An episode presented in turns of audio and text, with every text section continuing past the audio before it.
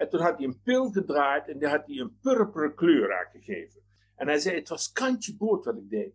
Maar wat ik hem voorstelde, ze wilde altijd alleen maar met een pil de deur uitgaan, want dan voelde ze zich beter. Nou, ze is weer een keer bij hem en hij zegt, nou, ik heb iets exclusief bij u, voor u besteld in Zwitserland. Dat was helemaal niet waar. Hij had gewoon een paarse pil gedraaid. En die pil kost 15 euro per stuk. Maar dat is werkelijk fantastisch, want je blijft er eeuwig van glimlachen. Ik noem het dan ook de glimlachpil. Nou, en die vrouw had iets van, wat krijgen we nou? En die neemt die pillen mee. Ze is nooit meer teruggekomen bij hem in de praktijk. Ze zei, Herman, oh, dan weet ik niet of het was dat ze zich belazerd voelde. Hallo, welkom bij Time Out met Joke en Loek. Hij is Loek Knippels, zij is Joke van der Sluis. En samen maken ze deze podcast voor jou om je op soms humoristische wijze te inspireren met alledaagse en minder alledaagse onderwerpen. Meer informatie over hen vind je in de show notes. Veel luisterplezier! Joke, Loek, zijn jullie er klaar voor? Gaan we van start? We gaan van start. Vandaag gaan we dus stilstaan bij de symboliek in ons leven. En uh, het is een thema wat mij zeer na aan het hart ligt, omdat ik eigenlijk min of meer helemaal ook symbolisch kijk naar het leven. En ik, uh, toen wij erover hadden samen van hoe gaan we dat uh, kijken naar dat thema, toen viel mij onmiddellijk één ding op.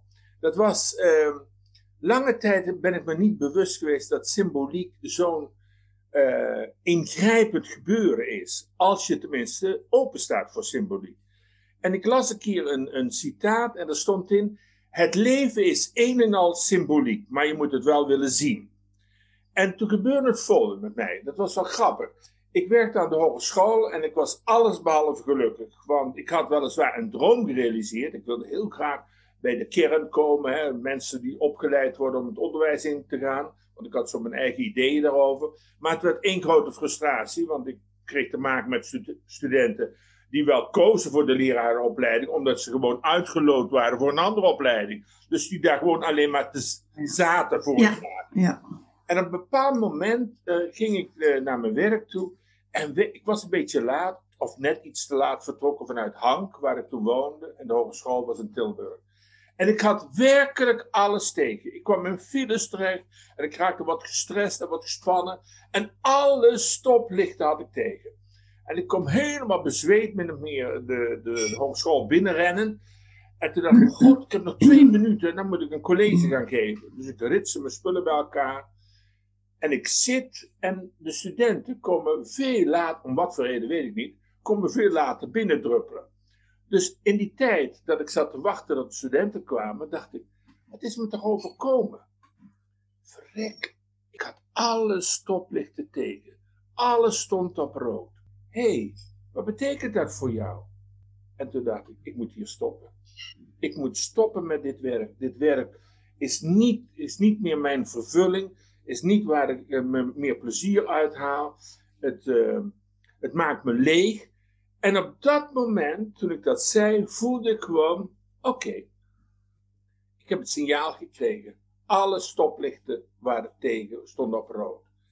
En zo begon ik dus vanaf dat moment veel bewuster elke dag nou, te kijken naar dingen die me overkwamen en wat die mij te vertellen hadden. En sommige mensen vonden dat heel zwevend, van ja, je ziet dat, zie je dat ook, ook in bomen en in vogeltjes en in vlinders. Ik zie ja, het ligt eraan hoe je dat voor jezelf hoe je dat kadert. Dus zo begon voor mij eigenlijk de, de ontdekking dat alles in het leven symboliek is. Ik heb daar nog een heel mooi ander voorbeeld, maar ik wil even luisteren wat voor voorbeeld jij naar, naar boven tovert. Wat jij uit jouw leven herkent. Nou, uh, toen ik zat na te denken over uh, symbolen, symboliek, symboolhandelingen, rituelen, toen kwam ik er voor mezelf eigenlijk een beetje uit dat uh, voor mij hè, geldt dat, het een niet helemaal los staat uh, van het ander. Je hebt uh, symbolen, bijvoorbeeld een logo is vaak een symbool voor het een of het ander. Symbolen zijn heel vaak, niet altijd, maar wel heel vaak internationaal. Ja. Maar het kan ook een associatie zijn van, uh, van iets waar jij zelf betekenis, betekenis aan geeft. Dus uh, uh, iets wat in eerste instantie niks betekent, niks is of zo. Of uh, het is natuurlijk wel wat, maar Ja, ja. niet echt met een hele diepe eh, toestand. En dan door een een of andere eh, eh, associatie of een handeling of een link die je legt of wat dan ook, kan het ineens voor jou eh, belangrijk worden. Bijvoorbeeld, ik heb een, een, een beeldje van een hertje. Het is een, een soort eh, eh, eh, schaaltje, bakje, plantendingetje. Ik weet eigenlijk niet eens precies. Mijn moeder deed er altijd knoopjes en dingetjes in en zo. En dat is een moederhert met een klein hertje ervoor. Ja. Het is een heel oud ding. En zij heeft dat in, gekocht voor zichzelf. was een van haar eerste dingetjes die ze voor zichzelf kocht. In een tijd dat ze het moeilijk had en eh, weinig geld had. Ik heb dat op enig moment, eh, toen ik uit huis ging, van haar gekregen.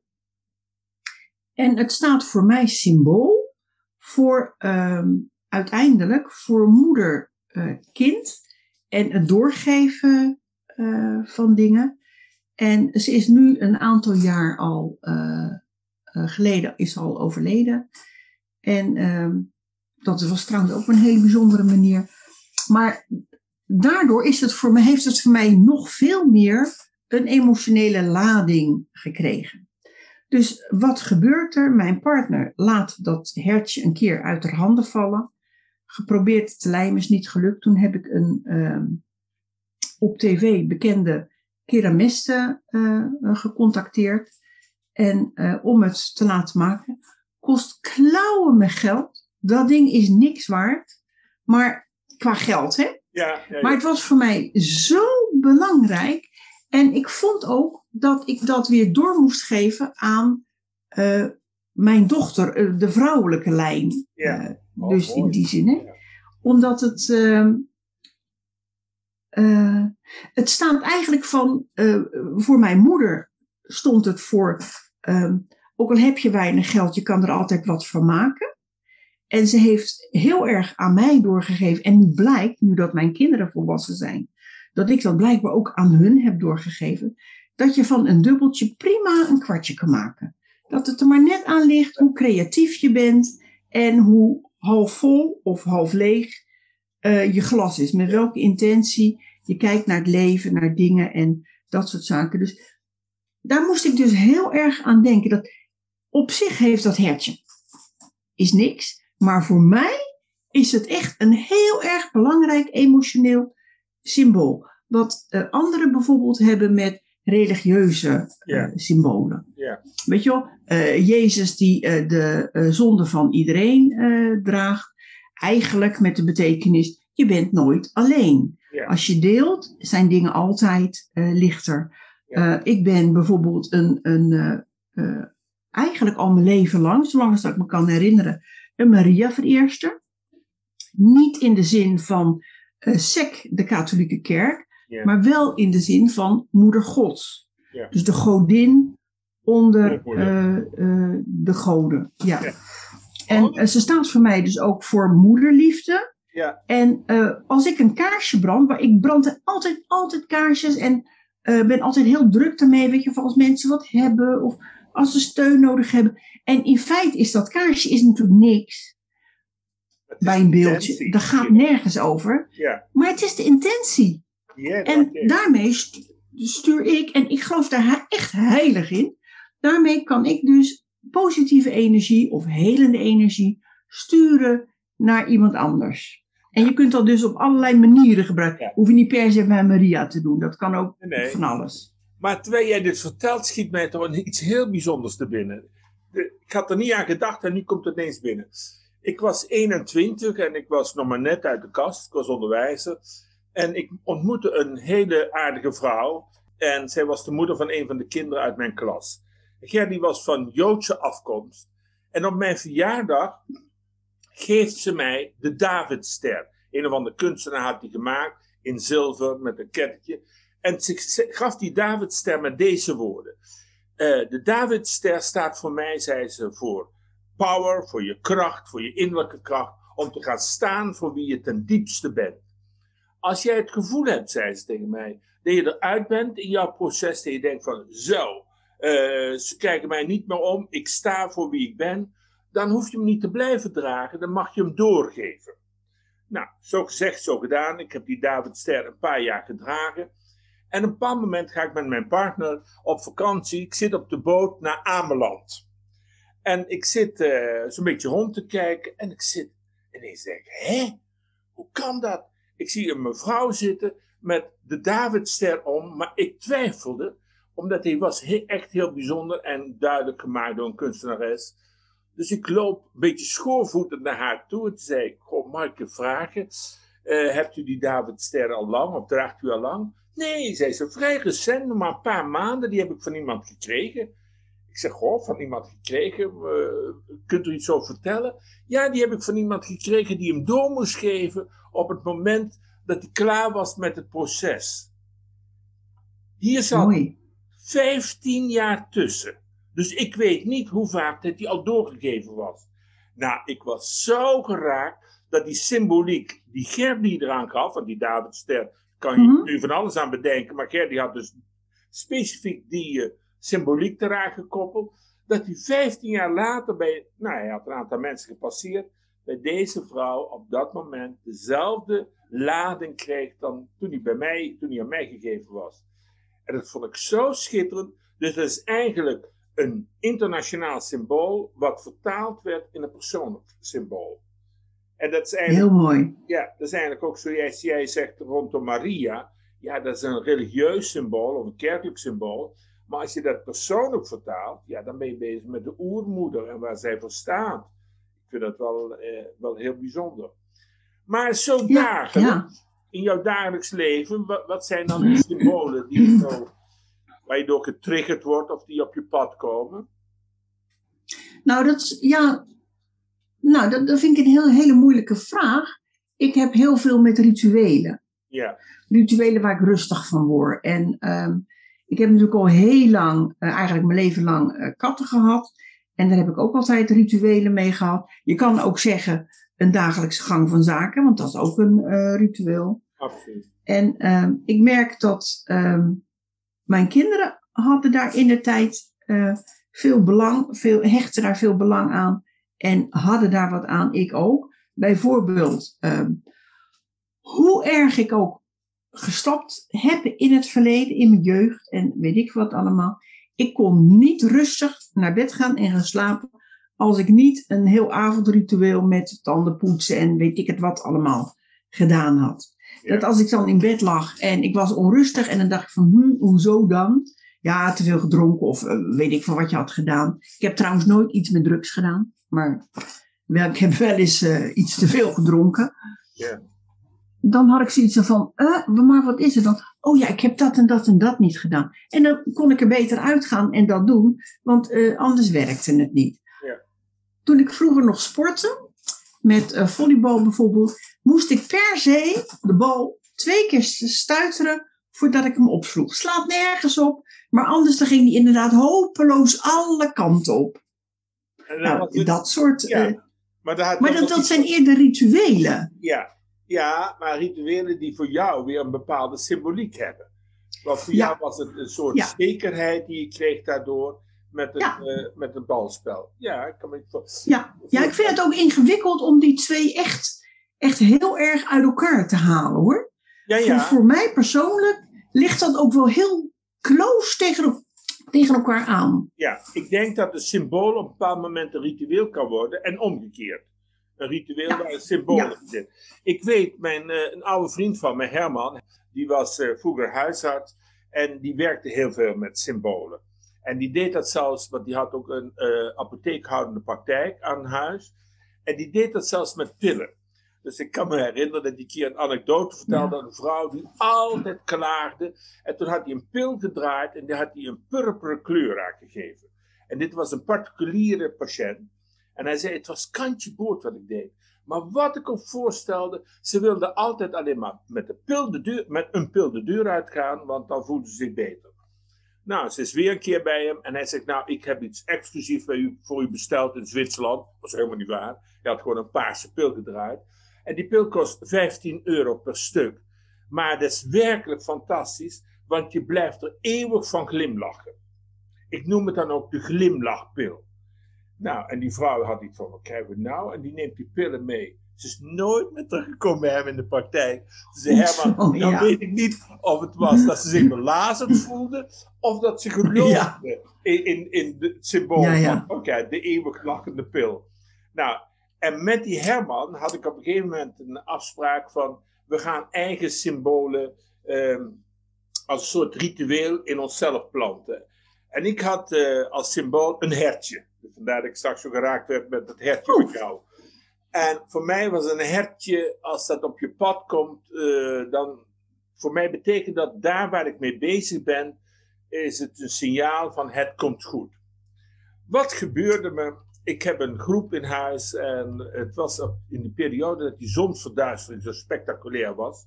Dus we hadden gepland dat we met de hele groep naar de zonsverduistering gingen kijken. Dat was aan de rand van het bos. En iedereen, eh, ik had gevraagd dat iedereen een eigen plekje in wilde nemen. We hadden dekens mee, meegenomen en slaapzakken, want het, het koelde nogal af.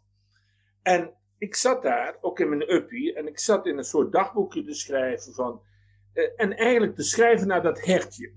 En dat was zo'n beetje de trant van, ik ben zo'n ongelooflijke Thomas, want ik voel dat ik het roer om moet gooien, dat ik dit of dat moet gaan doen. Maar ik twijfel zo. Laat nou eens alsjeblieft een symbool, laat mijn symbool het hertje nou eens komen. Dat ik gewoon weet en hou vast heb, zo van, je kunt dit gaan doen. En ik maar schrijven en, eh, en maar schrijven.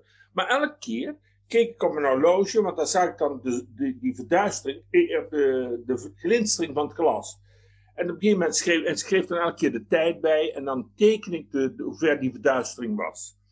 Goed, na een half uur besluiten we om bij elkaar te komen en onze ervaringen te delen. Wat heb je ervaren? Komen er twee vrouwen naar me toe die deelnamen de cursus zeiden van...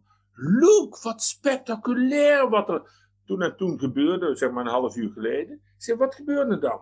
Ja, jij zit daar helemaal in je upje aan de bosrand en je zit te schrijven. Ik weet niet wat je aan het doen bent, maar in ieder geval, wij konden zien dat je heel erg gebogen zat in jezelf. En er stond op nog geen twee meter afstand van jou stond een hertje. Dat kwam uit het bos lopen en stond gewoon naar jou te kijken. Heb je het ook gezien? Ik had het dus niet gezien. Want ik zat te schrijven. De ongelooflijke Thomas over het hertje. Nou, de stap die ik toen wilde zetten, heb ik toen ook gezet en die klopte. Nou, dat is dat zo fantastisch dat het symbool, wat je dus zelf geïnitieerd hebt, dus wat een ritueel wordt, hè, laat het hertje komen, Mhm. want dan weet ik dat ik die beslissing moet nemen, dat het dan ook gebeurt. Dus je kunt het niet afdwingen. Dat denk ik niet. Ik denk niet dat je het af kunt dwingen. Want, Nee, dat vind ik ook heel grappig als ik een reading geef, hè, een aura-reading geef bijvoorbeeld, of een relatiereading of nou, whatever, dus zoiets. Dan, ehm, ik zeg altijd alles wat langskomt, om bijvoorbeeld ook als ik een eh, consult doe met eh, telepathie met dieren, want eh, het is nooit voor mij, het is nooit mijn verhaal, dus ik hoef het zelf niet te begrijpen. Dus vandaar dat ik altijd alles bijna tot aan de punt en de komma in feite door vertel. En dan komen er ook vaak beelden naar voren. Waarbij ik denk van nou, ik kan er geen gehakt van maken. Maar dan roeptoeter ik ze gewoon. En dan zegt altijd degene waar het over gaat. Hè, dus of eh, degene die het dier eh, verzorgt of in, in, eh, bij zich heeft. Of waar de reading voor bedoeld is. Van oh ja, want dat heeft met zus of zo te maken. Vind ik altijd zo bijzonder, want het is altijd voor iedereen, ja, in feite anders. ja, ja. Ik vind het heel mooi hoe dat energetisch in de wereld in elkaar steekt. Dat alles toch met alles weer eh, verbonden is. Ja. Dat bijvoorbeeld mijn hertje, jouw hertje. Nou, Ja. vind je het niet bijzonder? Ik vind dat heel. eh, Ik vind het heel Ja. bijzonder. En hoe jouw hertje dus een iets andere inkleuring heeft dan mijn hertje. Maar Ja. dat allebei Ja. dat dier gebruiken als een soort eh, ja, totem, eh, als een ankerpunt. De tip. Ik heb eh, in mijn eh, werk gebruik ik drie boeken regelmatig die alles hebben te maken hebben met symboliek. En het zijn leuke aanraders. Ik vind dat je ook heel veel kunt vinden op internet. Maar het boek wat ik heel veel gebruik heet Het Boek der Symbolen. Dat gaat over de archetypen die we herkennen in de mens. Een ander boek, dat is veel toegankelijker, dat heet Symbolen en hun betekenis. En waar ik een beetje verliefd op ben geworden, maar dat is, is ontstaan in mijn onderwijsperiode, toen ik onderwijzer was. Dat was de symboliek van sprookjes. Ik heb nooit geweten, en vooral toen ik daarmee begon, hoe indrukwekkend en hoe belangrijk het is dat we sprookjes aan onze kinderen vertellen, omdat daar een veel dieper liggende boodschap onder ligt. En in dat boek van de symboliek van sprookjes, nou, staan die geweldig mooi uitgelegd. En ik weet bijvoorbeeld de vrije school, die maakt daar actief gebruik van, om die ook uit te werken, met kinderen daar ook mee te werken. Dat zijn eigenlijk mijn drie tips. Het zijn vooral boeken. Maar ik heb er ook iets bij van, als je een symbool voor jezelf je eigen maakt, hou dan je eigen betekenis daaraan vast. Want het kan ook afleiden als je juist in zo'n boek gaat zoeken. Wat betekent nou dat hertje bijvoorbeeld? Dus kleur het wel individueel in. Het is voor jou bedoeld. Ja, dat klopt. Ja. Heb jij nog een tip? Nou, ik, ik kan uh, heel grappig daarop inspelen. Ik had uh, uh, ook twee boeken, in feite. het eerste is Luisteren naar dieren van Ted Andrews. Dat gaat over de betekenis van dieren in de zin van krachtdieren. Dus wat kan symbolisch nou, uh, sommige mensen gaan dat van de eerste tot de laatste bladzijde lezen. Ik doe dat zelf eigenlijk nooit. Hmm. Als ik een reading begin, dan krijg ik altijd een soort beschermingsdier. Ik heb natuurlijk mijn eigen krachtdieren, maar voor die bepaalde uh, situatie krijg ik meestal een eigen krachtdier.